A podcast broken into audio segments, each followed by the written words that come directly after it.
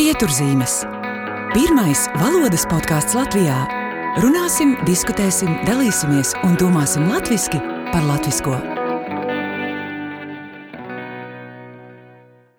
Labdien! Mans vārds ir Aiga Veckalna, un es priecājos ar tevi tikties raidierakstā Pieturzīmes. Paldies, ka klausies, atbalsti, komentē, dalās pārdomās un iesaki citiem. Šajā raidījumā tiekos ar draugiem grupu runas vīru Jāni Palkaunieku un šīs grupas uzņēmumu Printful zīmola vecāko redaktoru Marijānu Zvaigzni.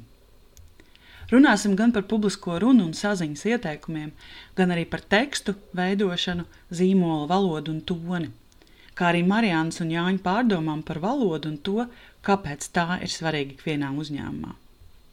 Izbaudi sarunu! Un būšu pateicīga, ja sarunas beigās tu dalīsies ar šo raidījumu, novērtēs raidierakstu pieturzīmes Apple podkāstu lietotnē vai Facebookā, atbalstīs kļūstot par patronu, Patreon vai Baimie kofiju platformā.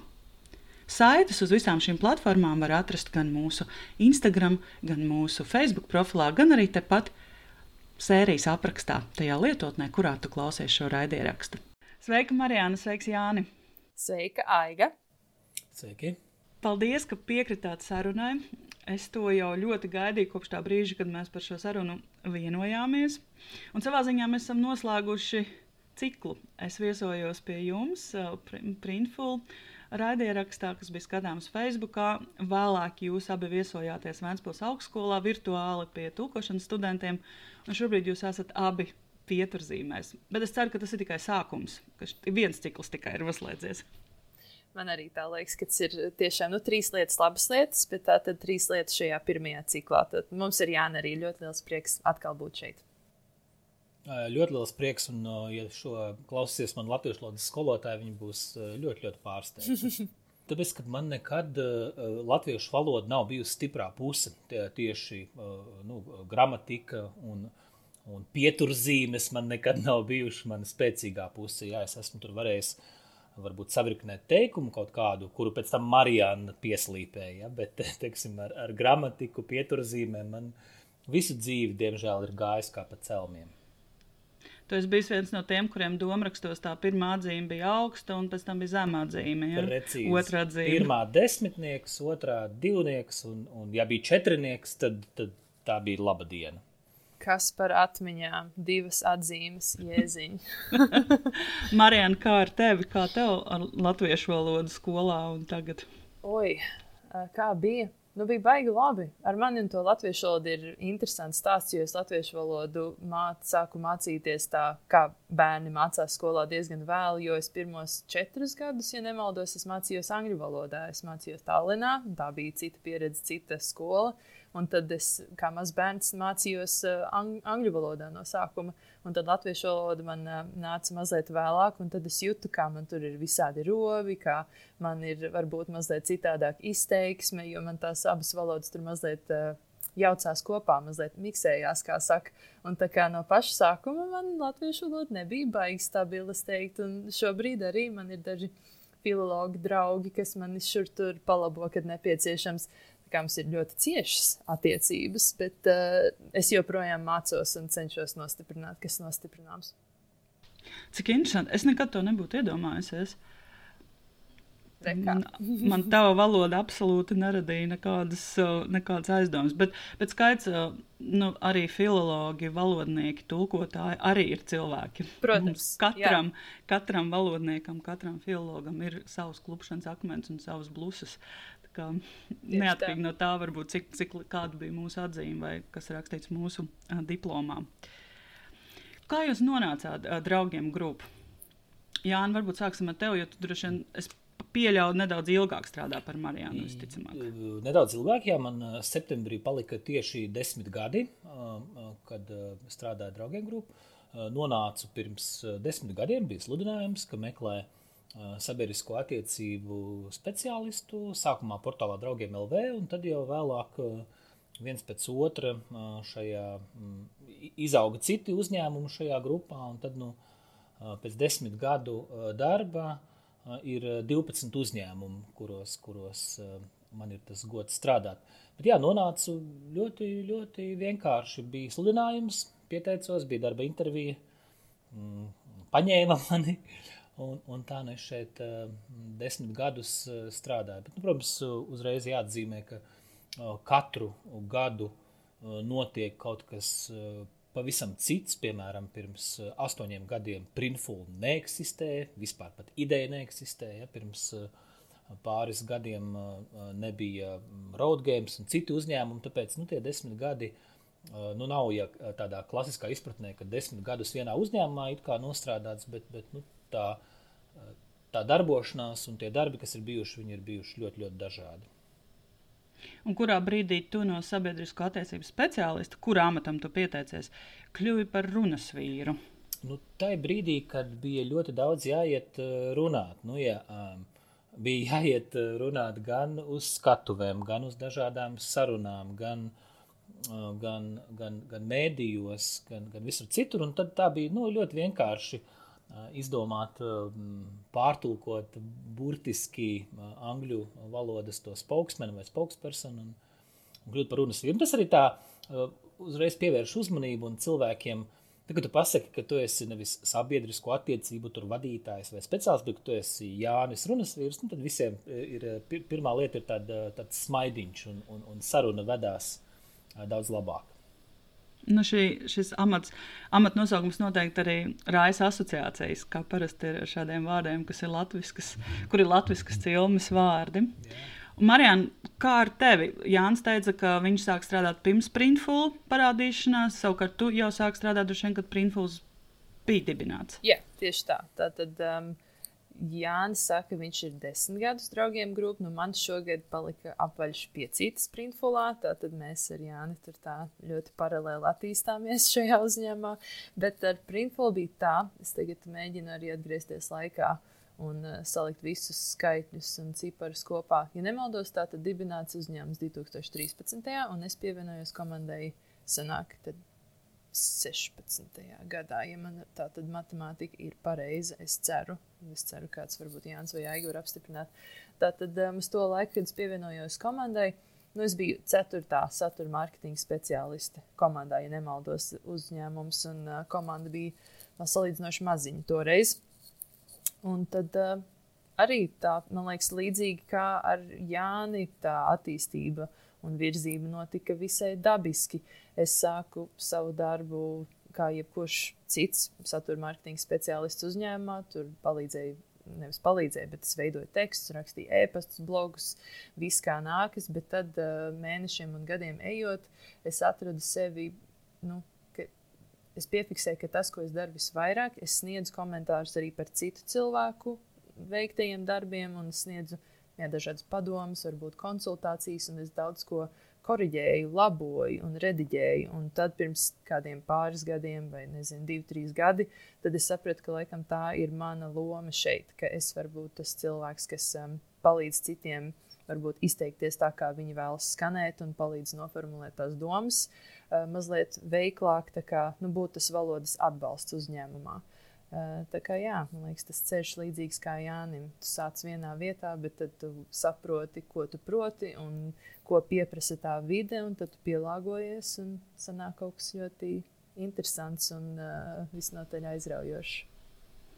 Nu jā, un aizraujošajiem printfulu attīstības, aizraujošam printfulu attīstības stāstam mēs visi varējām vērot. Tajā brīdī, kad plaši izskanēja ziņas par to, ka printfuli kļūs par Latvijā pirmo vienradzi uh, Un varbūt tiem klausītājiem, kuri nezina, ko šis uh, mītiskais zvērs nozīmē tieši uzņēmējdarbības jomā, varbūt izstāstiet, kas ir vienrads, kas arī ir burtisks tulkojums, protams, no angļu valodas. Nu, vienradzis ir um, uzņēmums, jaunu uzņēmums, kur uh, vērtība ir pārsniegusi 1 miljardu ASV dolāru. Nu, kā tiek noteikta uzņēmuma vērtība, nu, ir, ir divi veidi. Vai, vai tā ir kaut kāda uh, vērtētāji, ja, kas eh, kaut, kaut kādu iemeslu pēc vērtē, vai vienkārši investors, kurš pasaka, ka es vēlos nopirkt jūsu uzņēmumā um, noteiktu skaitu daļas, un tad attiecīgi tās vienas daļas vērtības sareizinot ar 100%, ja tas pārsniedz 1 miljārdu ASV dolāru, uh, tad uzņēmums uh, tiek uzskatīts, ka uzņēmums ir novērtēts 1 miljārdu ASV dolāru vērtībā.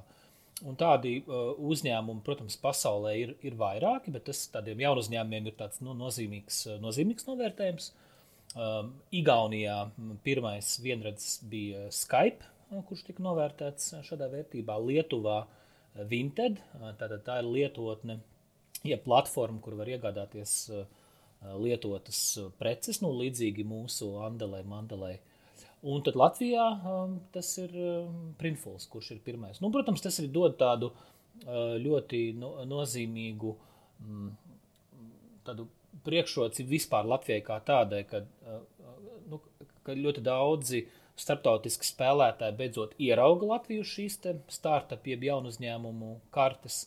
Un arī es domāju, ka tas palīdzēs arī, arī citiem um, IT startupiem kaut kādā mērā sasniegt, ja ne nākamo vienreizēju statusu, kā, kā minimums investīcijas. Nu, mēs arī redzam, ka pēc, eh, pēc Printful vai tā ir sakritība vai, vai, vai, vai nav sakritība, kad jau vairākos Latvijas uzņēmumos ir jau ienākušas ļoti ievērojamas investīcijas. Nu, un te klausītāji, ja tev vēl bija šaubas par to, ko dara runas vīrs, tad tā bija skaists piemērs tam, ar ko ikdienā nodarbojas rudas vīrs. Droši vien Jānis nebija pirmā, kas uzdeva šo jautājumu par, par to, kas ir vienredzes, un tev bija tāda jau ļoti skaista. skaista nu, jā, bet visla, visbiežāk saņemtais jautājums, ko es saņemu joprojām, kā draugiem grupu runas vīrs, ir, kāpēc draugiem LV vairs nav spēle ferma. Tas ir visbiežākais jautājums, un to es saņēmu nu, tā, varu atļauties, ja ne katru reizi, tad 99% gadījumu. Jā, nē, ko tu viņiem atbildi? Uh, tad, tad es atbildu. Uh, Ferma, uh, kā spēle, nav mūsu izstrādāta. To izstrādāja citi izstrādātāji. Draugiem LV ir spēļu platforma, jeb veikals, kur spēles tiek tirgotas. Un šiem spēļu izstrādātājiem cil, vairs nebija pietiekami ienākumi, lai šo spēli varētu izturēt, uzturēt. Tā ir tā atbilde, ko es pārāk par maz aktīvi. Tad jā, bija jā. tie interesanti, kas tagad ir aktīvi, laikam par, par maz spēlēju. Um, kā jūsu darbā šobrīd strādājot draugiem grupu visā lielajā uzņēmumā, kā jums nodara iepriekšējā pieredze un arī jūsu izglītība? Marijāna, pastāst mm. mums, kas, kas tu esi pēc izglītības un esmu? ko tu darīji pirms tam? Tā, tā, tā, kas es esmu? Nu, es esmu Mana alma mater ir Latvijas Universitāte, Humanitāro zinātņu fakultāte. Es tur studēju, uh, bakalauros studēju angļu filoloģiju, un tad uh, maģistros es studēju franču filoloģiju. Tā kā es esmu, um, es esmu divkārtējais filologs, ja tā var teikt, un es esmu arī atgriezies studijās pašlaik. Es tagad esmu uh, programmā rakstiskā tulkošana, jo es jūtu, ka man arī šajā jomā nu, gribās mazliet aizpildīt šādus tādus uh, robiņus. Bet um, par tām zināšanām, kas noder un um, nu, kā es to izmantoju ikdienā, uh, es starp citu arī par to esmu gājusi stāstīt uz humanitāro zinātņu fakultāti arī nu, tagadējiem studentiem. Esmu stāstījis, kas tad īsti šeit studijās noder īstajā dzīvē. Un, uh, vienkāršā virspusējā, varbūt mazliet paviršā atbilde ir viss, bet tev ir jāsaprot, kas tev noderēs un kur tu to pielietosi. Man vispilgtāk atmiņā ir palikušas, nu, ja es skatos savu laiku angļu filologos, tās noteikti bija gramatikas uh, lekcijas, gramatikas kurs. Un tad, uh, tāds kurs, kas saucās Integrētā tekstu analīze, kur mums ļoti burvīgā veidā mācīja, kā muļķāties, ķēpāties, analizēt tekstu. Un tas bija tiešām ļoti vērtīgi.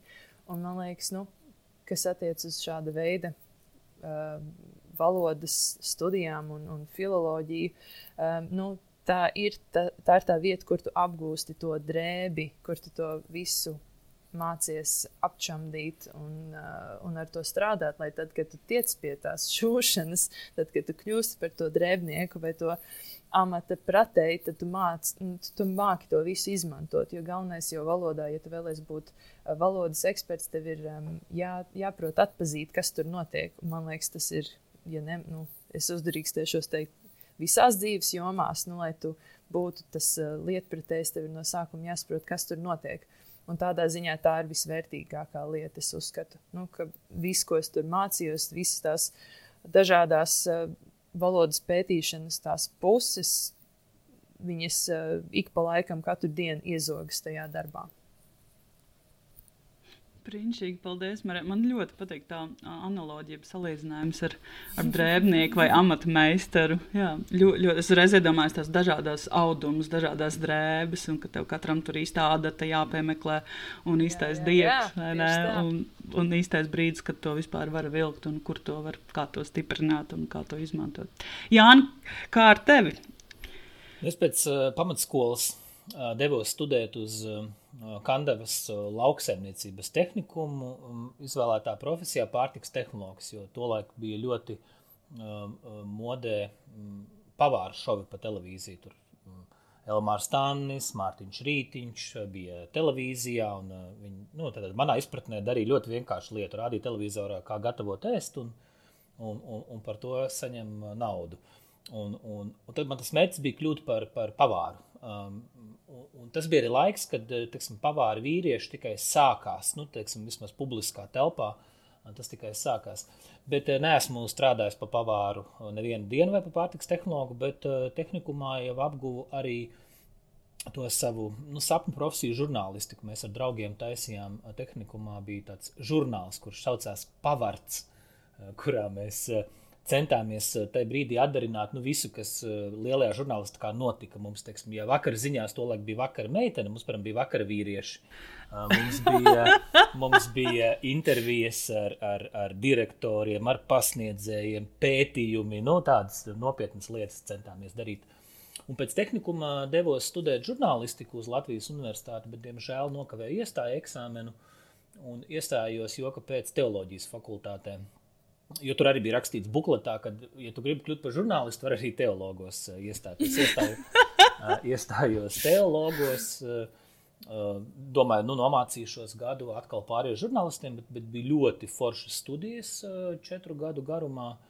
Un, un, teolo, un, te, un studējot teoloģiju, bija arī tāda iespēja gadu pastrādāt par, par kapelānu un Svedens skolas skolotāju vienā mazā tukuma baznīciņā. Nu, tad, attiecīgi, tā žurnālistika, pārtikas tehnikumā, lauksnesības tehnikumā un, un strādāšana par kapelānu Svedens skolas skolotāju nu, noformulēja to man domu, ka es gribu, gribu būt uh, runas vīrs, jo, nu, jo tās iemaņas bija, bija apgūtas. Nu, rakstīšana bija apgūta uh, nedaudz un, un, un runāšana. Un, un tad, nu, un tad, jā, un tad es uh, jau universitātē vēl, vēl tikko kā vēl studējot, kļuvu par universitātē par sabiedrisko attiecību departamentu direktoru. Jaunizveidots departaments bija uh, pilnīgi no nulles.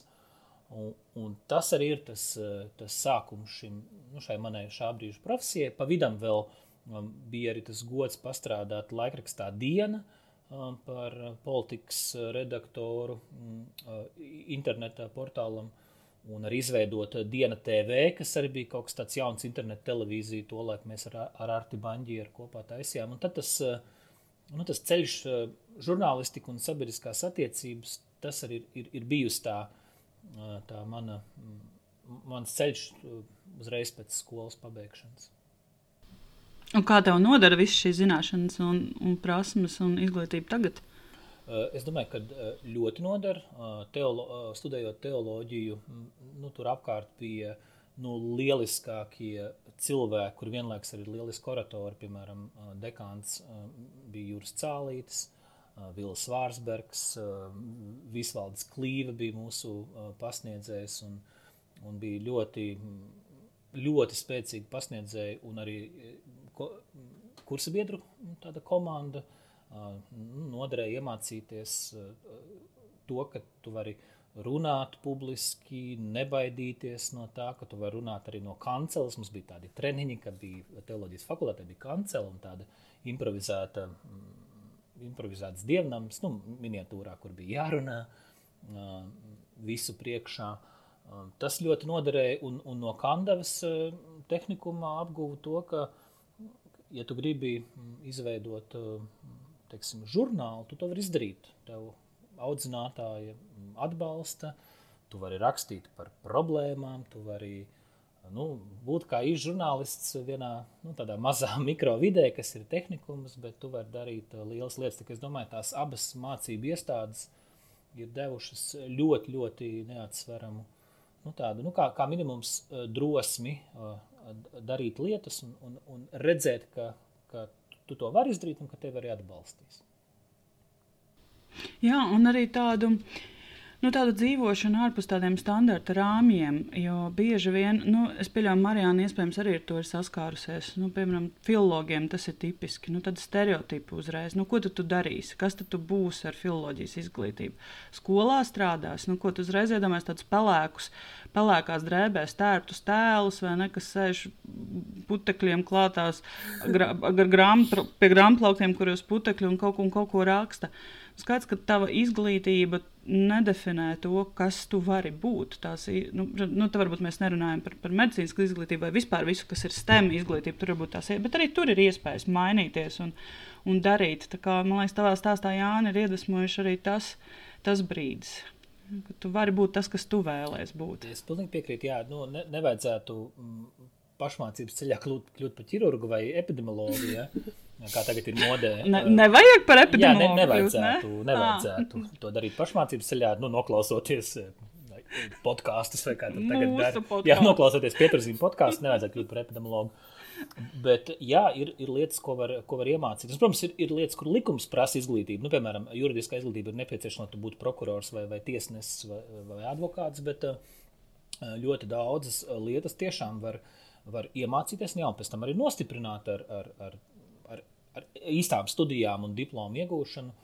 Bet ja, nu, ir, ir tāds populārs teiciens, nezinu, vai viņš vēl joprojām ir populārs, ka šī jau nav raķešu zinātne.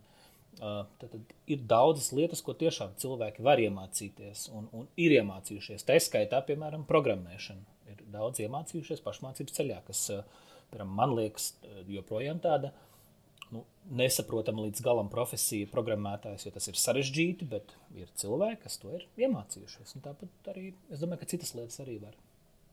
Tieši tā. Marijana, es zinu, ka mēs ar tevi vairāk šodien runāsim par rakstīšanu, bet kamēr mēs esam šeit publiskās runas tematā, es nevaru tev nepajautāt. Esmu ar tevi komunicējot un tevi vērojot, arī vadot lekcijas, esmu pamanījis, cik ļoti, cik ļoti dabisks tāds aktrises talants tev ir šajā, šajās lekcijās, šajās nodarbībās, šajās sarunās.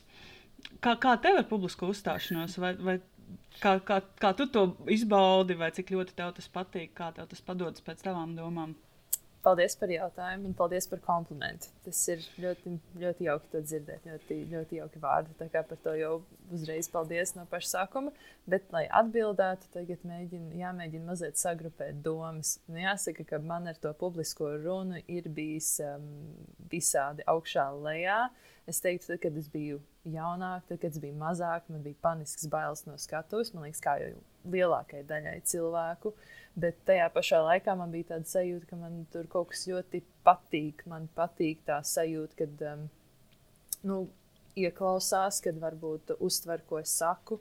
Un, mm, es vienmēr esmu sevi izjutusi tādu vēlmi, varbūt izklaidēt, varbūt sasmīdināt kādu. Es nezinu, tā ir tāda lieta, ko laikam. Nu, ja cilvēkam tāda sajūta ir, tad viņi ir. Es uzdrošināšos teikt, ka Jānis ir kaut kas līdzīgs. Man liekas, nu, spriežot pēc tā, kā viņš arī uh, sazinās ar, uh, kā viņš komunicē ar cilvēkiem, kā viņš sazinās ar cilvēkiem. Bet tad arī tas bija tāds baisais treniņš. Un jāsaka, ka es savu to publiskās runas, varbūt to meistarklasi arī esmu izgājusi nu, printful, veidojot uh, dažādas uzstāšanās un šīs uh, nu, iekšējās mācības arī kolēģiem, par kurām varbūt mēs runāsim mazliet vēlāk.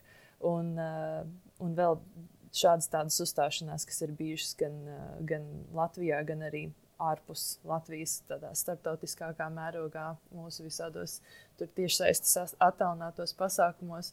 Bet, nu, man liekas, viena no tām viens no tiem mirkļiem, kad es sapratu, ka jā, man tas patīk un varbūt man nu, jābeidz no tā baidīties. Bija, kad es biju uzaicināta uz vienu paneļa diskusiju, un es sajūtu, ak, Dievs, kādi man ir nervi. Atkal, nu, es, es jūtu, es to uziešu tās skatos, man to būs atkal sarkana seja. Jo tad, kad man ir ļoti, esmu ļoti satraukta un kaut kas ļoti svarīgs notiek, mana āda mani nodod. Vienmēr tā ir bijis un vienmēr tā būs. Es domāju, tā, atkal viss šausmas.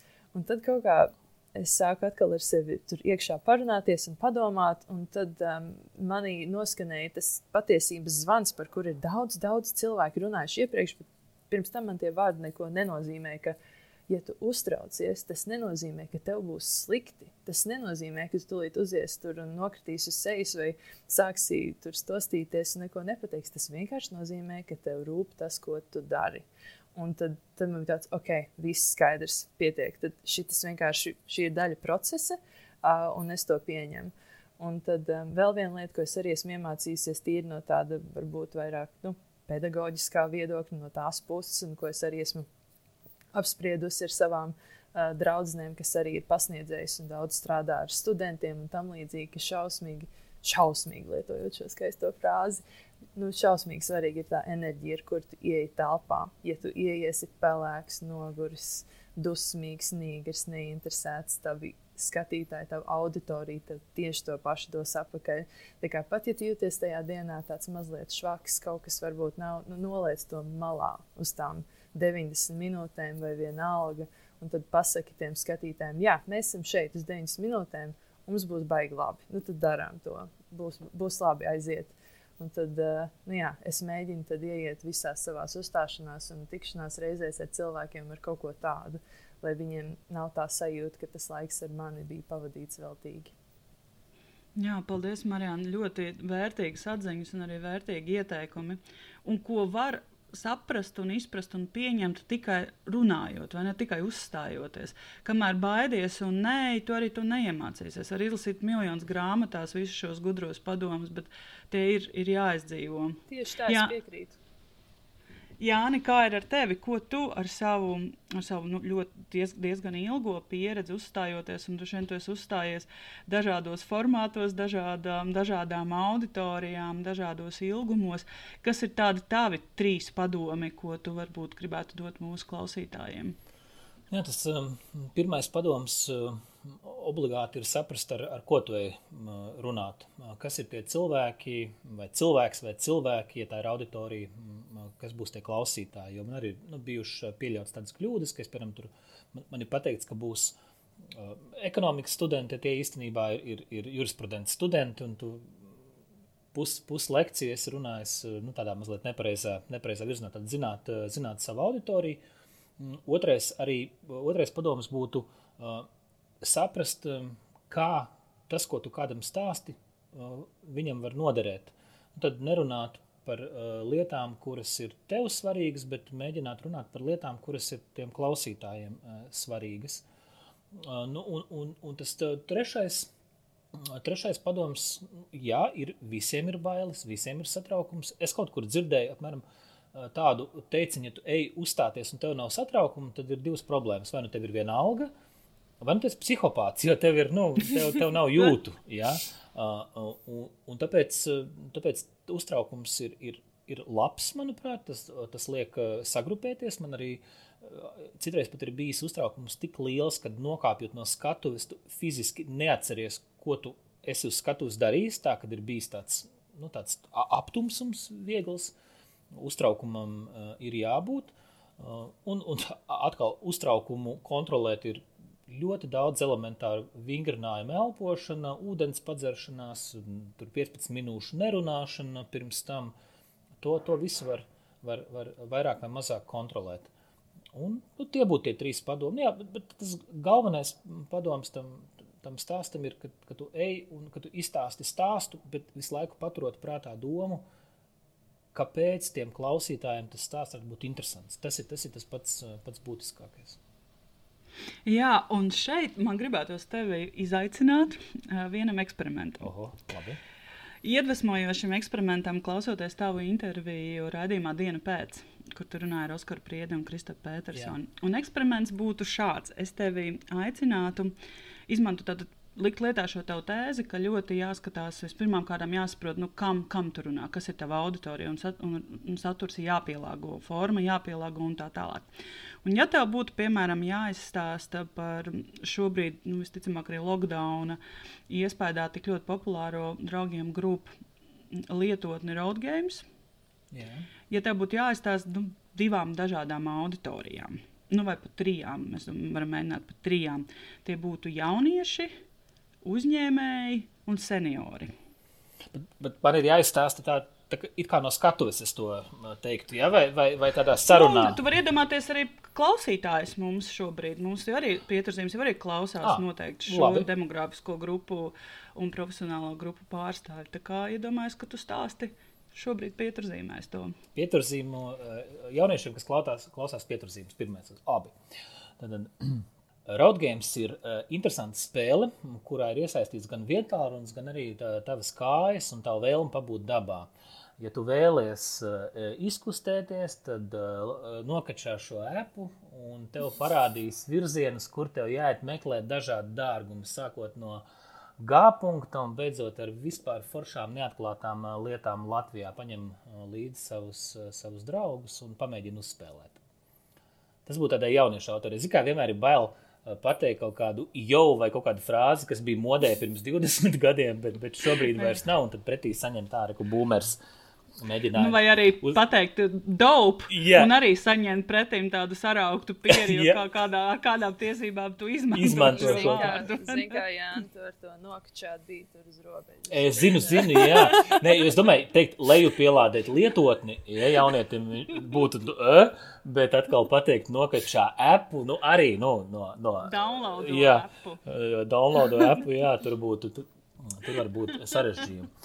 Nu, kādā ziņā road games tas ir dope? Tas ir, jā. nu, labi, un ja tev, nu, iedomājies, ka mums tad klausās uzņēmēji. Jā, nu, uzņēmējiem tur būtu, mm, tur būtu arī cits vēstījums, ka um, um, road games tu var izmantot sava zīmola popularizēšanai, uh, Tātad gan izklaidēt uh, savu darba kolektīvu, vai arī savus klientus, vai arī iekļaut savus produktus, uh, Roadgames uh, lietotnes tajā kartē, un tad cilvēki uh, dosies pie, pie tevis, uh, iepazīs tavas vietas vai tavus produktus. Nu, uzņēmējiem būtu, būtu šāds stāsts, kad, kad tur būtu stāstīts nevis, nevis spēlē, bet, bet ka šī spēle var tev uh, konvertēties jaunos klientos. Nu, tad mums ir seniori jā, nu seniorus aicinātu rīkoties tā. Es pieļauju, ka lielākajai daļai senioru tomēr ir vietāluņi, bet viņi neizmanto šīs visas vietāluņu funkcijas. Nu, vai tu seniori zināji, ka tavā vietāluņā ir iespējams leju pielādēt eh, lietotni Road Games, eh, kas nozīmē ceļa spēles, ar kuru palīdzību tu vari apceļot ļoti skaistas līdz šim neredzētas Latvijas vietas. To var darīt kopā ar draugiem, ar draugiem, ar mazbērniem, ar bērniem un baigi forši pavadīt laiku joprojām ievērojot visus Latvijā noteiktos ierobežojumus, jo spēle notiek uh, tādā savā ģimenes lokā vai savā draugu lokā. Noteikti izmēģini, ja tev nesanāk, var palūgt saviem bērniem, mazbērniem vai kaimiņu puikām vai meitenēm, lai tev palīdz šo uh, lietotni lejupielādēt un uzstādīt. Jāni, bravo! Tieši tā, bravo! Brīnišķīgi, Jāni. Paldies. Lai, tas bija tiešām fantastiski. Man pieturzīm un... jaunieši piedod par nokačā. A, varbūt, ka tagad ir nokačā atkal. Es nezinu, viens jau nezinu, ja atgriežās, jo tās, eh, tās lietas ir atgriežās. Jā. Un mums arī ir fantastiski, jauniešiem, kuriem mūsu klausās, ir fantastiski iespēja mums arī uzrakstīt un, un ieteikt, kā Jānim runāt ar jauniešiem. Jā. Ja nu gadījumā viņi redz, ka ir, ir vieta izaugsmē, vai arī viņiem kaut kas ļoti patika, ko Jānis pateica. Par to visu mums var, var uzrakstīt. Mums ļoti patīk klausītāju vēstules. Jā. Paldies, Jānis. Tas tiešām bija brīnišķīgs. Pieturzīmes piedāvā arī vērtīgas valodas lekcijas un konsultācijas, kas pilnveidos tava darba efektivitāti un uzņēmuma tēlu Bet runājot eh, par rakstīšanu, mm, jo printful, cik es saprotu, ļoti daudz um, informācijas tiek nodots tieši rakstveida formā un arī dažādās valodās. Un te man gribētos tādu ieskatu vispār sniegt ģe, printful geogrāfijā. Cik uh, valstīs printful vispār darbojas, vai kur ir biroji vai ražotnes, un kādu valstu pārstāvji strādā printful? Jo tā ir geogrāfijas pieļauja ir vēl plašāka nekā paša printful geogrāfija. Tas ir geogrāfiski ļoti plašs jautājums. Man liekas, tur būtu bezmaz vai atsevišķs pētījums um, jāveido par to, kur mēs esam un kas mēs esam. Bet jā, valodas un um, nu, printful pārstāvniecība jā, ļoti, ļoti plaša diskusija tur tiešām var uh, izvērsties. Bet es varbūt sākšu no tās komandas puses, no tās kolēģa puses, kur tad mēs esam un kā. Jo jā, mums ir uh, printful ir ražotnes visā pasaulē, um, un tad mums ir arī uh, komandas, kas nu, veido mārketinga saturu noteiktiem tirgiem, un tad arī tāds sadalījums pa valodām. Un tad šobrīd, lai neaizmirstu nevienu valodu, es uztaisīju sev tādu arī mini sarakstu. Nu, kā mums ir angļu valoda, protams, jo tomēr Ziemeļamerika ir mūsu lielākais tirgus. Un tad tālāk mums ir tādas valodas kā spāņu valoda, franču, vācu, itāļu, ir arī japāņu, un tagad arī Brazīlijas portugāļu valoda. Un tagad arī, ja ieies vakancēs un paskatīsies, mēs tagad arī sākam skatīties uz skandināvu valodām. Es tagad neesmu pilnīgi droši, nevaru apstiprināt, no kuras skandināvu valodas mēs sāksim, piemēram, bet tā tad uz to reģionu mēs arī skatāmies. Bet kas ir interesanti, ka arī šajās valodu komandās, jā, kur strādā uh, mūsu kolēģi, kā jau Aigi ieskicēja, tas nevienmēr nozīmē, ka viņi ir šo, nu, piederīgi šīm valstīm vai šīm tautībām. Mums ir, piemēram, viena no liekas, nu, spēcīgākajām uh, Japāņu valodas speciālistiem komandā ir no Latvijas. nu, Tā kā mums ir ļoti dažādi stāsti, kurš nu kādā valodā runā. Tas tiešām būtu atsevišķs pētījums par um, valodu un identitāšu jautājumiem Printful, um, Printful komandā. Uh, Bet tur, kur Printful atrodas pasaulē, nu, mēs esam šur tur, man liekas, uh, bez maz vai katrā kontinentā, ja tā varētu, nezinu, to rupji novienādot. Varbūt Jānis, man liekas, māja ar galvu un, un man piekrīt. Bet uh, tas, kur mēs visvairāk esam, ir tomēr um, Eiropa un Ziemeļamerika šobrīd. Kā jau, nu, kā jau jūs saprotat, jūs, Aiga un Jānis, un jūs klausītāji pēc tam valodām, ko es nosaucu, tad jūs uh, saprotat, kurā virzienā mēs geogrāfiski uh, mērķējam.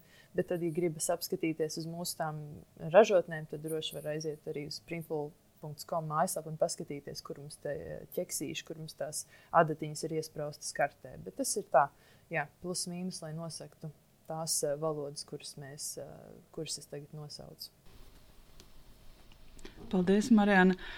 Un, uh, Starp citu, par to pētījumu runājot, es iedomājos, tā kā pieturzīmes tiešām klausās daudz jauniešu un arī un to starp daudz studentu, tad tā varbūt iespēja arī kādam studentam izpētīt šo, šo geogrāfiju un valodas uh, printful savā bakalaura darbā vai kursa darbā. Tas varētu ne? būt diezgan ambiciozs, bet interesanti. Kāpēc ne? Tieši tā. Un, un kā ir ar Rīgas biroju? Mm, cik valodu, nu, labi, tagad, protams, ir tāda apstākļa, ka mm, jūs nesatiekat visus kolēģus birojā, un, un varbūt kādu laiku visi birojā nebūs. Bet, eh, ja mēs tā runājam, cik Rīgas birojā valodu skan tieši darbinieku vidū? -hmm. Tas tiešām ir labs jautājums. Tad jāsaka, ka tiešām ar tiem apstākļiem, kur mēs esam tagad, tā, tie cipari arī tur mazliet atšķirās ir tā grūti noteikt, kur nu, ir kas. Bet, nu, tik cik es skatos. Um, ko es redzu, sēžam pie galdiem. Tad, kad pēdējos pāris mēnešus es eh, pati biju aizgājusi strādāt no biroja, tad uh, tur uz vietas mums ir, uh, nu, protams, angļu valodas speciālisti, tad uh, kolēģi, kas uh, runā spāņu, itāļu uh, valodā. Uh, man liekas, franču, visi mūsu franču valodas speciālisti, ja nemaldos, strādā no, mūsu, no Barcelonas, tāpēc, ka mums ir uh, ražotne Mums ir ražotne arī tajā Eiropas daļā, un tad mums ir tāds oficiāls uh, Spānijā, uh, Barcelonā, kur ir piesaistīti arī uh, liela daļa speciālistu. Un kas mums te vēl ir no tām valodām? Kā jau teicu, Japāņu valoda, Un um, nu, tad man būtu atkal jāieskatās sarakstā. Liet, lietuviešu valoda mums skan. Nu, lietuviešu nu, valoda. Jā, Giedre, Giedre. Viņa var, jā, jā, mūsu starptautiskās mārketinga komandas vadītāja Giedre ir, uh, ir no Lietuvas lietuvieta, un tad viņa nav lietuviešu valodā. Kas zina, varbūt kādā mirklī arī lietuviešu valoda būs printfulā. Zin, kā nav izslēgts. Bet, Tieši tā. Bet, tā. Un ko ikdienā dara zīmola vecākā redaktore? Varbūt tu vari zinu, atskatīties uz, vak uz vakardienu, ne, vakar bija svētdiena, bet uz kādu dienu pagājušā nedēļa, vai pat šodien, un, un izstāstīt, kas, kas ietilpst, kas ir, kas ir tavā ikdienā. Mm -hmm. um, tā tad zīmola redaktore daudz rediģē. Viņa daudz lasa un uh, komentē un atstāja komentārus. Un, uh, dod ieteikumus un um, atgādina par vērtībām, kas tur kopā printful izteiksmi, identitāti un atgādina, uh, kā mums uh, vajadzētu izklausīties mūsu esošajiem un topošajiem klientiem. Un, un kam kā... tu dod tos ieteikumus? Uh, visiem mūsu rakstītājiem. Visiem, visiem, visiem mm -hmm. rakstītājiem un īstenībā visiem, kam tas ir nepieciešams. Mana ciešākā sadarbība, visciešākā sadarbība ir tiem, kas tiešām ikdienā daudz raksta, mūsu visi satura mārketinga speciālisti, bet uh, es arī cenšos nu, arvien vairāk uzturēt ciešāku sadarbību ar citām mūsu uh, nodaļām, kur tā komunikācija ir ļoti svarīga. Protams, tādas, tādas nodaļas kā klienta atbalsts un arī personāla atlase. Mēs tur sadarbojamies kopā. Principā, jebkur, kur ir nepieciešama mazliet um, cītīgāk padomāt uh, par to izteiksmi, un nu, jebkur, kur ir svarīgi izvēlēties īstos vārdus, ir iespējams, ka um, es tur kādā mirklī parādīšos procesā un, un um, varbūt sniegšu kādu ieteikumu vai jā, vienkārši iemetīšu aci. Bet, protams, pamatā tie ir mūsu satura veidotāji.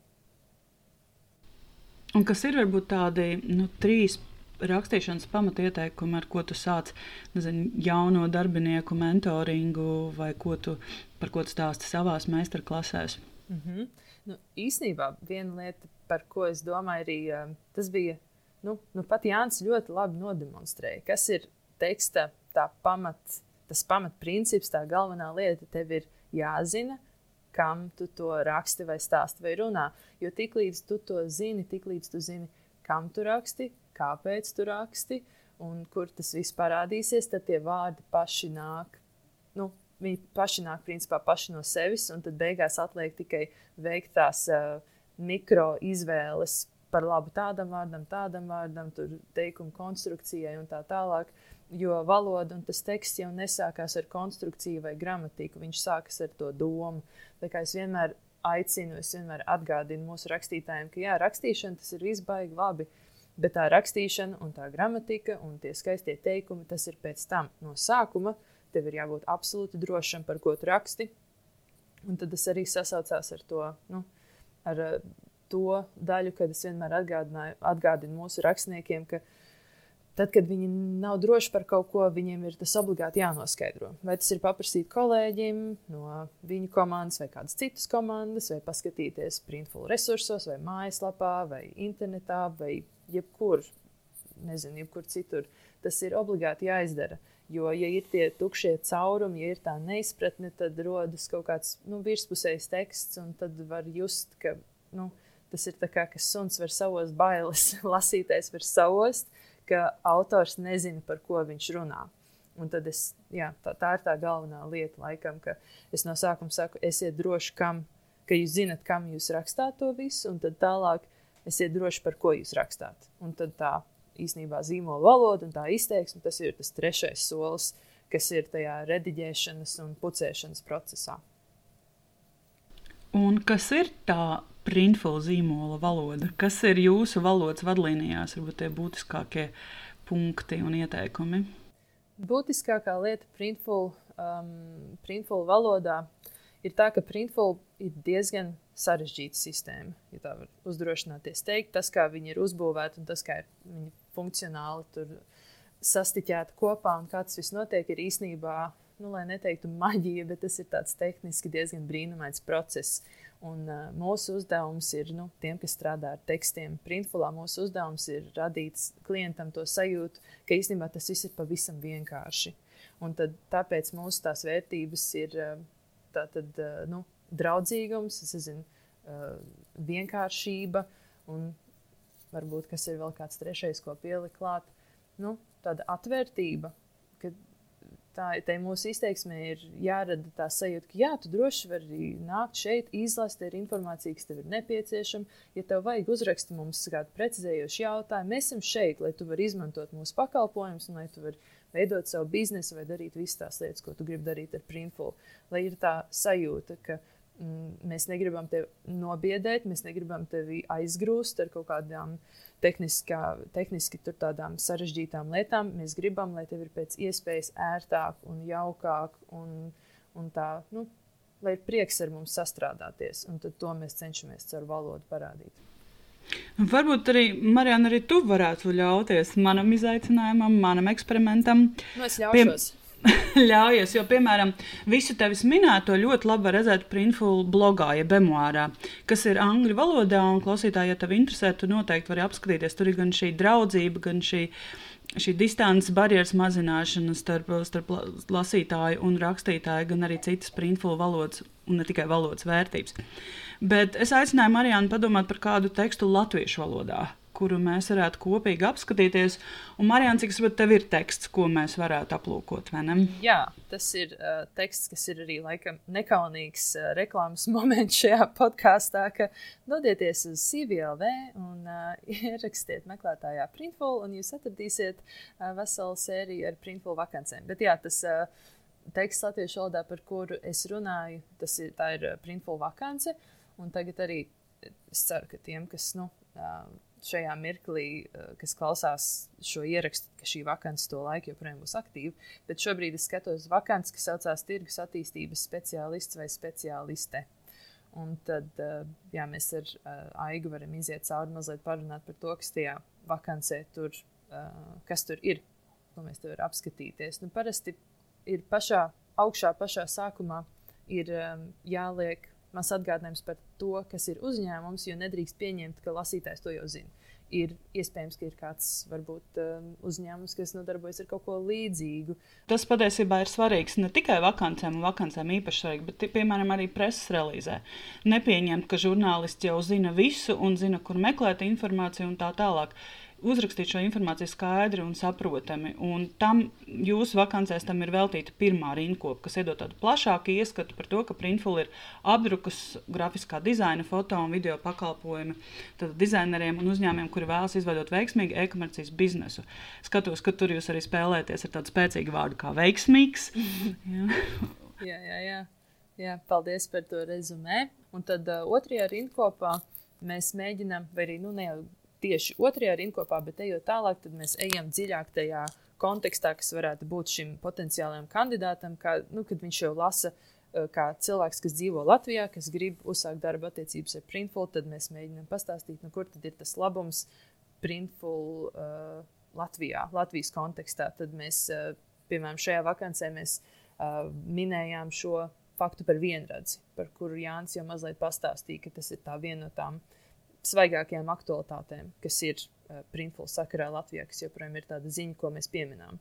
Nu, un tad mēs pēc tam ejam vēl mazliet tālāk par uh, šo vakanci jau tirgus attī attīstības speciālistu, speciāliste, un mēs mēģinām veidot to saikni, nu, kāda ir šī cilvēka loma šajā uzņēmumā. Nu, tad mēs mēģinām paskaidrot, ka mūsu tas uh, Printful tirgus ir paplašinājies no trim līdz desmit ražotnēm visā pasaulē, un mums ir nepieciešams papildinājums. Tad mēs jau to mēģinām uzsvērt um, šajā pašā vakants sākumiņā. Un tad vēl turpinām motivēt lasītāju vēl vairāk, uh, liekot priekšā informāciju, kā šis cilvēks šajā amatā varēs mums palīdzēt. Un, um, es atceros, ka tad, kad mēs domājam par printful vakancēm, mēs arī domājām, kāda būs mūsu izvēle. Vai mēs būsim jūs, vai mēs būsim tu. Un tad beigās mēs uh, pieņēmām lēmumu, ka mēs būsim tu uzņēmums. Jo tā bija arī viena no vērtībām, kuru tu teici, vai ne šis draudzīgums. Jā. Un, un, jā, un man arī patīk ļoti vārdu izvēle, kas iespējams noderēs arī citiem, kas raksta līdzīgus tekstus, ka tur arī tu palīdzēsi komandai. Ja, tad, tad ļoti tieši tiek cilvēks uzrunāts un jau var uzbūt šo ainu prātā, vai ne? Kā domās, ka es, es tur iesaistos, es to daru. Jo vārds palīdzēt arī patiesībā ļoti, ļoti spēcīgs. Nevis strādāsi, mm -hmm. ja, bet, bet tieši nevis darīsi kaut ko, bet palīdzēsi. Būsi daļa no kaut kā, tāda lielāka mērķa. Jā, tieši tā. Nu, mēs mēģinām uh, vakancēs un arī citur, cik nu mēs varam veikt to sasaisti tu palīdzēsi komandai, bet ar komandu tu palīdzēsi klientam, ka mēs palīdzam mm -hmm. viens otram, lai būtu sasniegts tas mērķis, tas virsmērķis. Un virsmērķis, protams, ir apmierināts, priecīgs klients, kam ir prieks izmantot printful, bet tā ķēdīte jau sākas komandā un viņa sākas ar pašu kandidātu. Uh, un tad tālāk, ja mēs ejam, tad, uh, nu, protams, vakancēs tas ievadiņš ir uh, noformulēts, un varbūt tam kandidātam jau galvā ir kāda ideja par to, kas Printful ir par uzņēmumu un ar ko nodarbojas. Un tad uh, tālāk mūsu vakances ir saskaldītas trīs diezgan mm, nu, nepārprotamās daļās, lai šajā mirklī kandidātam jau ir viegli orientēties, uh, ko mēs sagaidām un ko viņam vajadzētu sniegt, un tā tālāk. Nu, tīri te var runāt par to teksta ļoti nu, tādu informatīvo daļu jau, ka šeit varbūt nav tik ļoti svarīgi uzbūvēt kādu ainu vai nav tik liels uzsvars kaut kādu pārdošanu vai nopirkšanu, bet ir arī svarīgi, lai ir tā drošības sajūta, ka vienkārši visa informācija ir kārtīgi sagrupēta, viss ir vienā vietā, vienā rindā un nekas nav noslēpts. Ka ir caurskatāmi, jā, kas, es pieļauju, atkal izpaužas kaut kādu no uzņēmuma vērtībām tajā mirklī. Jā. jā, tā varētu teikt. Nu, mēs negribam zaudēt, zaudēt savu laiku un negribam arī mm -hmm. terēt uh, kandidātu laiku, lai viņam būtu jāburas cauri vakancei. Tad ir tavi pienākumi, mēs no tevis sagaidām to, to, to, un lūk, ko mēs piedāvājam. Un, uh, tad, protams, mēs mēģinām atbilstoši tam kandidātam un tai vakancei un vispār tai varbūt komandas darbībai pielāgot tos punktus, kas tur būtu visstrāpīgākie, vis, visvajadzīgākie. Jo nu, katra pozīcija ir mazliet uh, interesantāka, citādāka. Un tad, protams, jo labāku darbu mēs izdarīsim, um, veidojot vakances, nu, jo ērtāk būs varbūt arī atrast tos īstos cilvēkus. Nezaudēsim laiku, varbūt. Um, ejot cauri uh, kandidātiem, kas ir pārpratuši to, ko mēs no mm, viņiem sagaidām, to, ko mēs no viņiem prasām. Un tad, uh, un kas ir nobeigumā? Nobeigumā ir tas um, atkal varbūt atgādinājums par mūsu vērtībām un to, kāda ir darba vide Printfulā. Un es teiktu, pie nobeiguma jau var pieskaitīt to sadaļu, kas Printful vakancēs saucās Mēs piedāvājam, kur ir uzskaitītas tās lietas, kas tā teikt pienākās uh, Printful darbiniekiem un ar ko viņi strādā un dzīvo ikdienā. Un tad beigās ir tāds atgādinājums, ka nu, mēs nodrošinām vienlīdzīgas iespējas ikvienam, un mēs gaidām um, visus kandidātus, kam vien ir interese. Uh, un tad, protams, dažas formalitātes, kas ir nepieciešams vienkārši jebkurai vakancei uh, Latvijas Republikā. Un arī mūsu vakancēs mēs, iela, nu, mēs esam ļoti par to dalīšanos un uh, īsto risinājumu meklēšanu. Tad mēs arī uh, iedomājamies, ka ir jāpievieno tā frāze, nu, ka, ja tev šķiet, ka šis nav tavs lauciņš, varbūt šī nav vakance tev, varbūt tu zini kādu, kam šī vakance ir nu, īstā vieta, īstā lieta. Un tad ir tāds aicinājums, lūdzu, padalies, jo mēs vienmēr gaidām tos uh, īstos cilvēkus, kas, uh, gribas, kas grib ar šo nodarboties ikdienā. Nu, tā.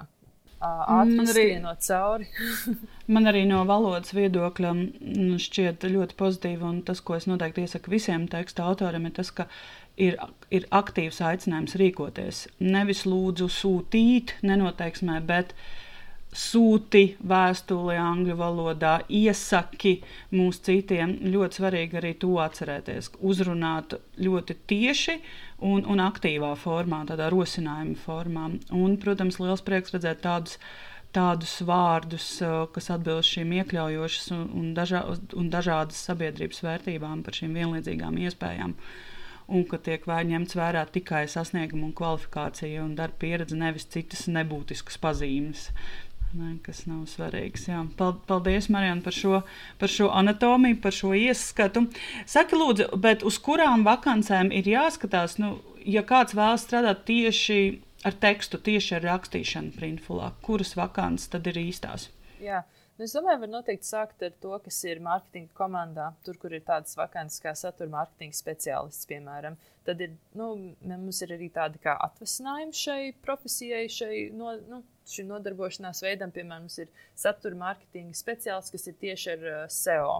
To, uh, SEO piesitienu. Mm -hmm. būs, Meklētāju programmu optimizēšana. Tieši jā. tā. Mm -hmm. Tur būs tad, uh, uzsvars uz uh, visiem atslēgvārdiem un tieši optimizēšanas daļu, jo gadās, ka ir rakstītāji, uh, kam ļoti patīk veidot tekstus, bet viņiem arī ļoti patīk tas analītiskais darbs un tā piņķerēšanās ar, uh, ar atslēgvārdiem, un to viņi arī ļoti nu, laipni lūgt nākt pie mums un arī ar to nodarboties. Um, bet, nu, teiksim, arī, ja patīk uh, valoda, patīk komunicēt ar cilvēkiem, es domāju, arī tāpat pozīcija klienta atbalsta speciālists, kas ir viena no nozīmīgākajām mūsu uzņēmumā. Tur arī, uh, man liekas, vienmēr ir pieprasījums pēc valodas speciālistiem. Un, um, un, un var arī skatīties arī pa citām vakancēm, jo lieta tāda, ka printfolā strādājot, nu, gandrīz visās būs tā vajadzība pēc uh, kādas, nu, it sevišķi angļu valodas zināšanām, tad svešu valodas prasme būs nepieciešama. Un jā, un ar... kas vēl, ja es tieši vēlējos jautāt, kādai jā. kvalifikācijai jābūt, vai obligāti jābūt ar filoloģijas diplomu vai tūkotāju diplomu? Es domāju, ka nu, tas ir gan labi pat ne labi, gan slikti, bet uh, nav obligāti tā kvalifikācija. Ir galvenais, ko, ko tu proti, ko tu, ko tu proti, ko tu vari mums parādīt. Jo mums ir gan filologi, gan nefilologi, gan vienkārši cilvēki, kas uh, aizrautīgi darbojas ar valodu, kas uh, arī ir iemācījušies dažādas lietas um, nu, pašmācības ceļā.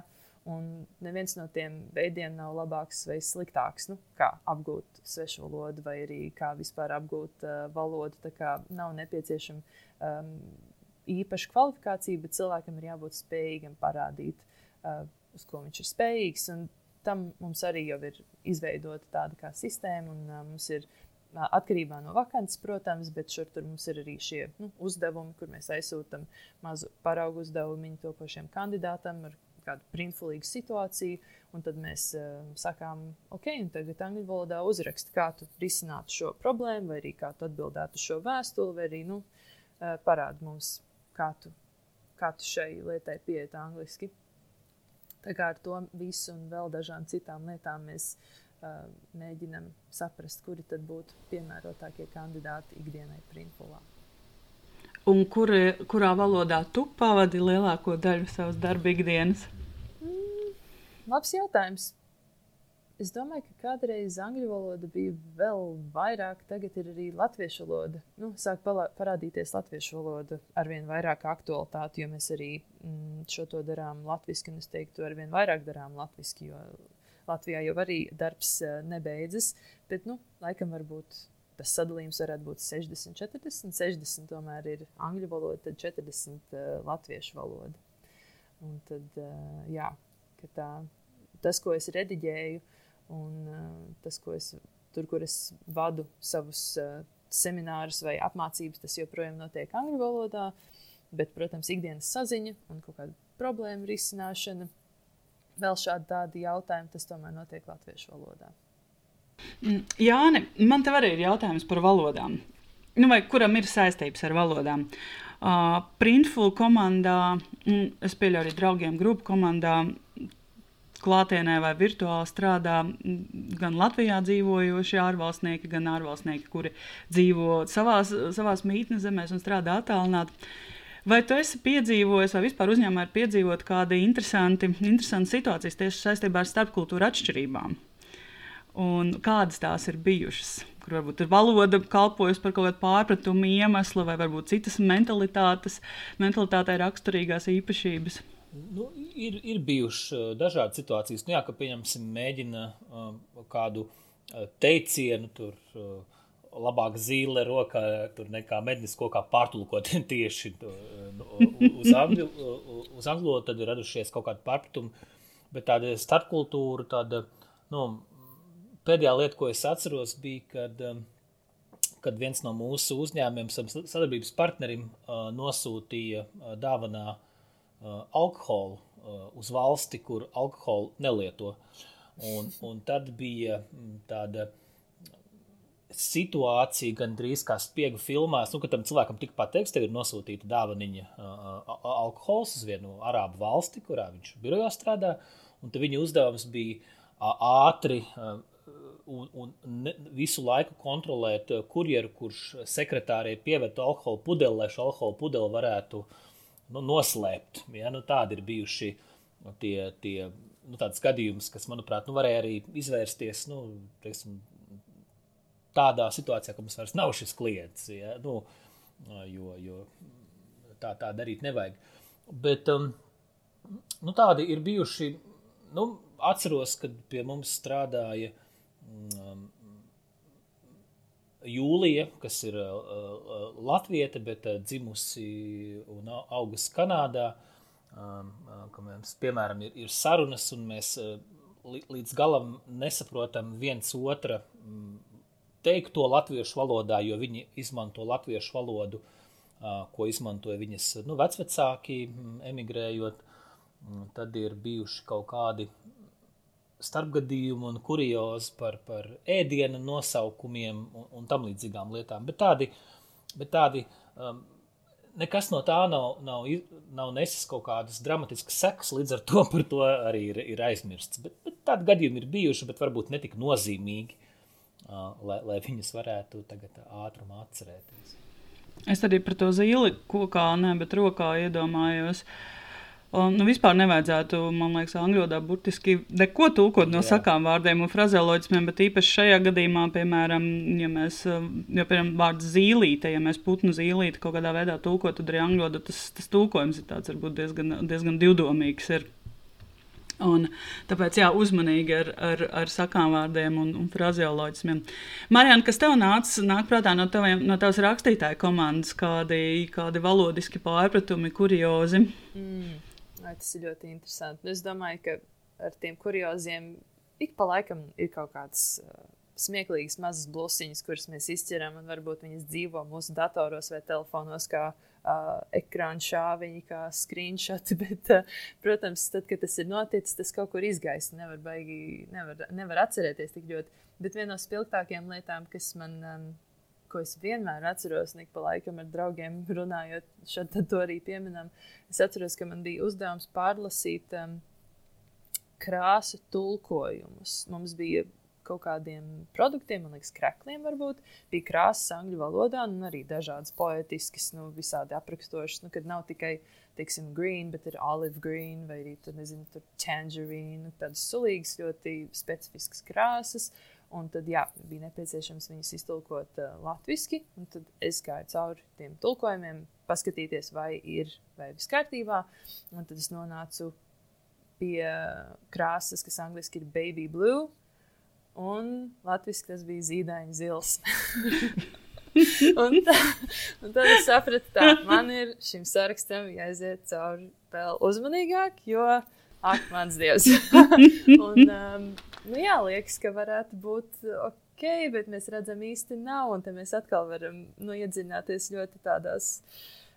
Ļoti eksistenciālās pārdomās, ko krāsa nozīmē, kurā valodā vai kurā domāšanas līmenī. Tāpēc, ka baby blue angļuiski viss kārtībā, jā, tu iedomājies kaut kādu mazu bebīti, viņš tādā smukā, pūdeļa zilā, gaiši zilā, tur kombinācijā baigi labi. Tu pasaki, latvietiem zīdaiņa zils. Es atvainojos, tā ir kaut kāda asfiksija. Tā ir ne ļoti nepatīkama konotācija. Un tad um, Tas ir tāds hrestomātiskais piemērs manā vācelītē. Tas atgādinājums, tas ir iemesls, kāpēc ir redaktori, kāpēc ir korektori, kāpēc ir šie cilvēki, kas, kas pārlasa un izķer šos um, zīdaiņu zilos gadījumus. Um, kā vispār notiek šis process? Nu, cik daudz, protams, jūs varat dalīties tajā?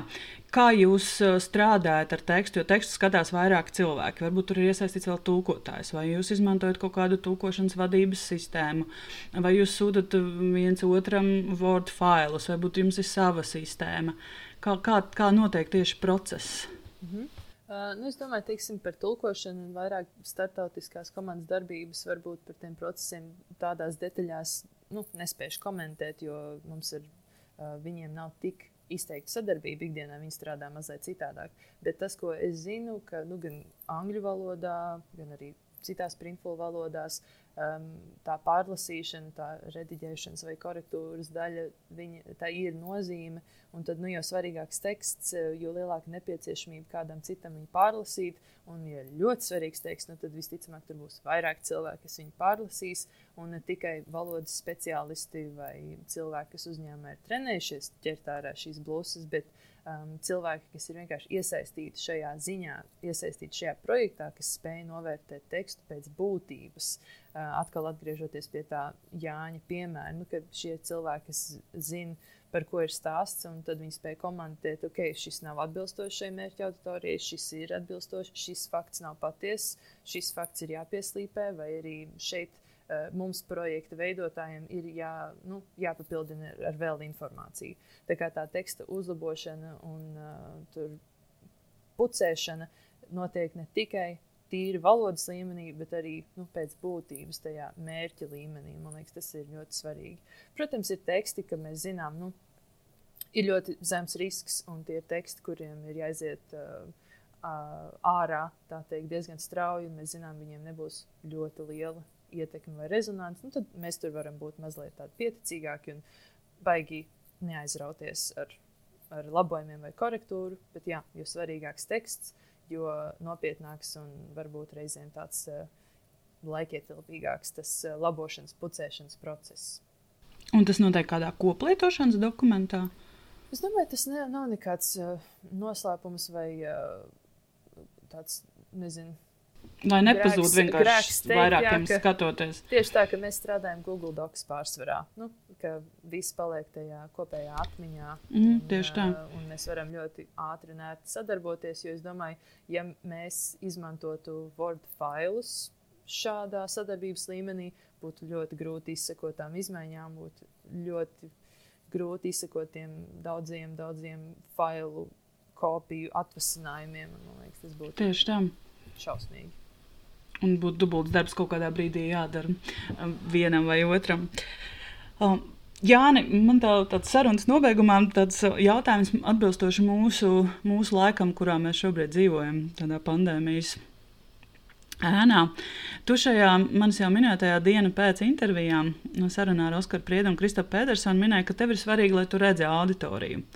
Ka pat tad, kad tu esi uz skatuves un ir ļoti spilgti izgaismota skatuve, un tev ir prožektora acīs, un tu neredzi auditoriju, tev ir nu, grūtāk nekā, ja tu redzi auditoriju. Un tu šajā sarunā ar viņiem minēji, ka tev tādēļ nepatīk, piemēram, runāt ekrānā kur tu neredzi skatītājs. Nu, jau kādu gadu vairāk mūsu realitāte ir šī, šī, šī ekrāna runāšana. Kā tu esi pielāgojies šai situācijai, kā tu esi atradzis, varbūt kāda ir tava formula, uzstāties iedarbīgi, autentiski, ar humoru arī tad. Jā, tas ir tiešām man tas sagādā uh, liels grūtības. Vēl arī uh, nesen uzstājos Junior Achievement konferencē Uzraksties uzvarēt, kur bija īsta skatuve, īstas gaismas, tikai uh, auditorijas vietā bija milzīga filmēšanas brigāde ar vairākām uh, kamerām, un arī tev ir uh, jārunā tādai tukšai, uh, tukšai zālei. Nu, tā gadījumā bija vienkāršāk. Es atrodu mm, zālē vienu operatoru. Es domāju, ka viņš būs tas, kurš klausās manu stāstu un, un, un runāja ar viņu. Bet tādos mm, Zoom gadījumos nu, ir, ir, ir ļoti sarežģīti. It īpaši, ja ir jārāda uh, prezentācija, tad, protams, cilvēki ir izslēguši kameras, tu redz tikai savu prezentāciju. Uh, nu, man kaut kā pēdējā laikā ir kļuvis vieglāk šādā veidā uzstāties, un tad es tā nokoncentrējos uz to mm, zaļo mm, webkameras lampiņu, skatos tajā un mēģinu gara acīm uh, uzbūrt uh, nu, to auditoriju, tā kā vizualizēt. Nu, kad tu ilgi skaties zaļā lampiņā, nu, piemēram, kā es uh, arī šobrīd skatos zaļā lampiņā, jau bišķiņ acis samiglojās, un tu sāc vizualizēt tos cilvēkus, kas, kas, tevī, kas tevī klausās. Bet, protams, ja tā ir saruna bez prezentācijas, tad es vienmēr nu, teiksim, ļoti, ļoti lūdzu cilvēkus ieslēgt kameras, jo man ir svarīgi redzēt, kā cilvēks reaģē uz, uh, uz kaut kādu manu vārdu, izteicienu vai, vai fakta, faktu, ko es pasaku. Tas, ir, uh, tas ir svarīgi. Bet nu, padoms būtu, tas ir grūti. Vienalga tas ir grūti arī, arī šobrīd, kad ir pagājis jau, jau gandrīz, gandrīz divi gadi, kad mēs šādi strādājam. Nu, tad um, zaļā webkameras lampiņa, skatīties viņā ilgi, mazliet samiglojās acis, un tad izdomāt, kas no tur otrā pusē uh, varētu mm, tevī klausīties. Es tikko iedomājos, ka nesen bija tāds uh, infografiks par tiem bērniem, ir, ka mūsdienās ir bērni, kuri nav normāli gājuši skolā. Klātienē, un droši vien arī ir kādi publiskie runātāji, kuri nekad nav uzstājušies publiski klātienē, bet tikai, tikai zūmā, iespējams. Marijana, man pirms mēs beidzam mūsu sarunu, es nevaru tev nepajautāt. Um, tu teici, ka valoda ir tava kaislība ne tikai darbā, bet arī ārpus darba. Ko tu darīji ar valodu, valodas uh, laukā, kad tu neesi Printful zīmola vecākā redaktore? Vistaustāmākā atbilde būtu tulkoju, laikam, pagaidām. Nu, tas ir tas, kur tie mani darbi un pārdomas materializējas ikdienā visvairāk. Un tad uh, man ir bijusi ļoti jauka sadarbība ar režisoru Lauru Upanieci. Man ir bijis tas gods viņai iztulkot dažas lugas. Un, uh, tas ir arī tāds ļoti aizraujošs un radošs un ļoti tāds, um, bagātinošs process, kas man ļoti patīk. Un es ar lielu prieku iesaistos arī citos darbos, nu, kas ir varbūt um, ne tik tieši saistīti ar manu darbu printfulā, bet, nu, ja man paprasa kāds draugs, ka vajag palīdzību, vai kaut ko pārlasīt, vai kaut ko mazliet pakuriģēt, vai sniegt kādu padomu, tas man arī ļoti patīk. Nu, tā, tā varbūt būtu tā taustāmā daļa. Bet tāda netaustāmā, tā tikai tā mana daļa, nu, man vienkārši patīk um, valoda kā veids, nu, kā skatīties uz dzīvi. Man liekas, katram ir tas veids, kā vispār skatīties uz pasauli. Es esmu sapratusi, ka man tā jau ļoti sen ir bijusi valoda. Tas ir tas, kam es pievēršu uzmanību visvairāk. Tur, nezinu, kino, savā ziņā arī mūzikā, dziesmās. Tas ir tas, kam es pievēršu uzmanību, tad, kad uh, es atrodu sevi kādā dzīves situācijā. Un tad, um, jā, ja tad neskaita tādus taustāmos darbiņus, kā jau es teicu, es laikam ļauju tam visam iet caur mani. Un tad jau arī var rasties tādas interesantas pārdomas, var šo to palasīt, um, parunāt ar sevi vai arī ar, ar um, saviem uh, filologu mafijas biedriem, vai arī citiem domu biedriem vai draugiem. Un, un tā tas turpinās. Tā arī paiet tā ikdiena. Jā, man liekas, tas skaistais mūsu visu triju darbā.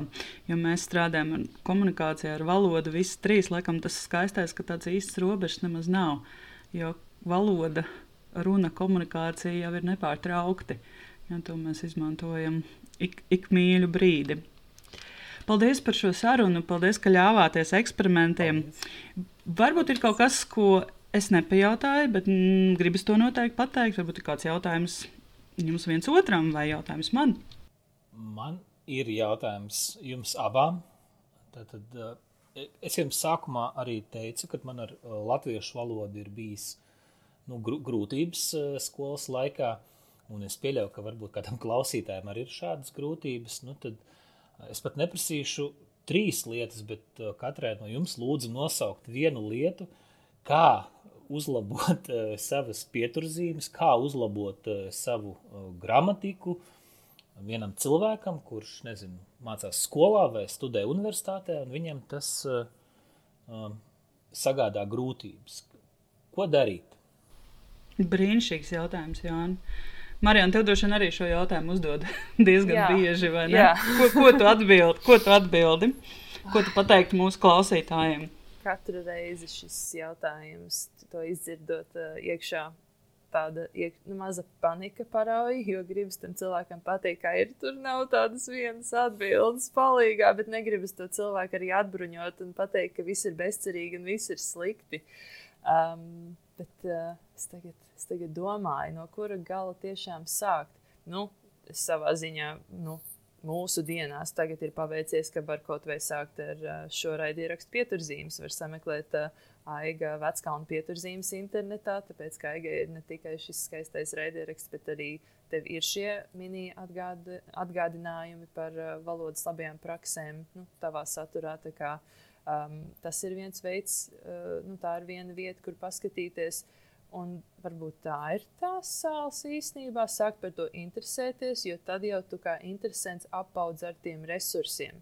Jo man liekas, tas būtu, tas nav baigi forši paņemt uh, šādu cilvēku, kam nav pieredze ar valodu, vai arī pilnīgi saprotam, ir tāda, nu, mazliet tādas bailes vai bība pret valodu. Nav baigi labi viņu uzreiz tur apgrūtināt ar desmit resursu um, sarakstu, bet varbūt tiešām jāiedrošina atrast vienu un tad viņu izpētīt, skatīties, kas tur vēl ir klāt piekabināts, un tā turpināt to attīstības gaitu.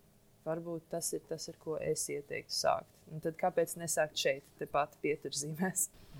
Jā, klausītāji, šī ir brīnišķīga ideja. Es noteikti piekrītu Marijānai, ka pirmām kārtām ir svarīgi vispār, ka šāda interese ir.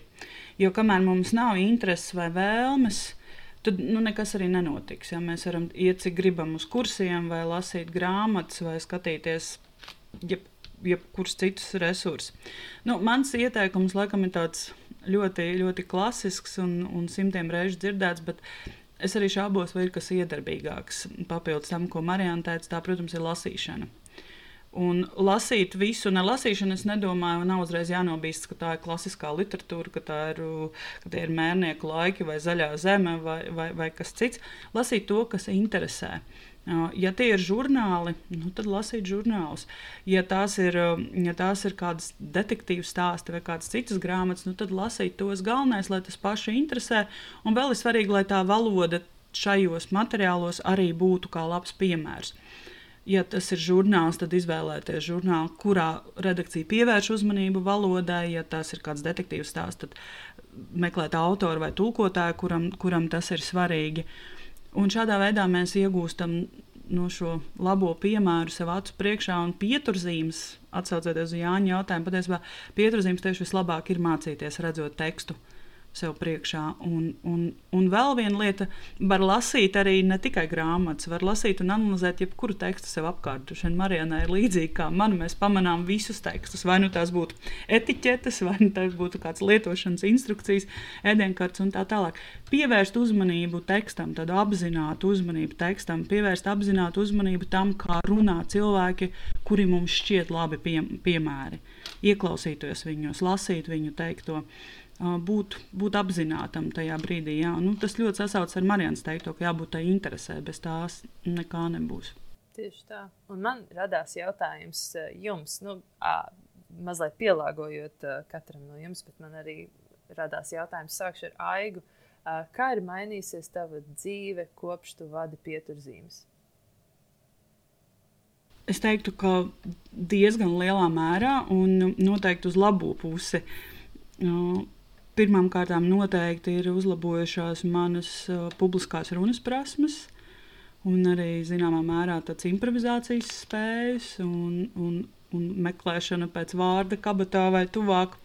Tas ir viens, otrs. Uh, ir arī milzīgs prieks redzēt, redzēt atsauksmes un, un, red, un redzēt un dzirdēt cilvēku teikto, ka viņi klausās, ka viņus tas interesē, ka viņiem tas patīk. Un tas man sagādā milzu gandarījumu, jo es arī es daudz mācos procesā, arī es iepazīstos ar daudziem brīnišķīgiem cilvēkiem. Man ir prieks, ka arī citi to, to novērtē un, viņi arī ļaujas šiem stāstiem un šīm, šīm sarunām. Un noteikti arī tas ir pavērs fantastisks iespējas. Piemēram, ja nebūtu pieturzīmju raidierakstu, es šaubos, vai mēs iepazītos un mēs tiktos šeit tagad ar jums trietā. Ne? Tā kā noteikti tas ir ļoti lielā mērā ietekmējis un mainījis manu dzīvi. Mm. Es piekrītu, tas ir ļoti jauks raidieraksts. Man ir prieks. Jo tā ir tas ir pirmais tas valodas raidieraksts, kāds mums ir. Līdz šim nekas tāds nebija. Tā man tas arī liekas ļoti jauki, ka mums beidzot kaut kas tāds ir. Un tad, Jānis, man ir līdzīgs jautājums, kā mainīsies tava dzīve, kopš tu esi runas vīrs. Nu, tu izgāji tam savam uh, dzīves iepazīšanās ciklam, tajās iestādēs, ko tu minēji, bet kopš tas ir runas vīrs, kas ir mainījies? Nu Jā, mainījies ir līdzīgi kā, kā Aigai, kad ir iepazīti ārkārtīgi daudz interesanti cilvēki, gan nu, sākot no, no kolēģiem, kur ir vairāk tūkstoši, un beidzot ar sadarbības partneriem, žurnālistiem, nu, visā, visā iespējamām, iespējamām sfērām. Un, un noteikti arī mainījies tas, ka varbūt arī privātā, privātajā dzīvē saziņā ar ģimeni, ar draugiem – es eh, nu, izmantoju kaut kādā mērā nu, to pieredzi un tās zināšanas, kas ir iegūtas darbā, tad uh, atkal skaidrot vienkāršāk, sarunāties vienkāršāk, mēģināt stāstīt tā, lai otrs cilvēks saprot, ko tu gribi uh, pateikt.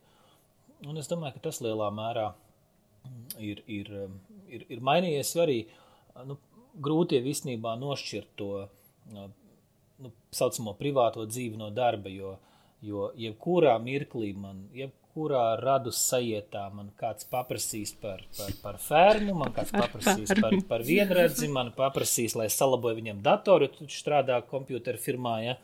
un, un, un, un, un tā.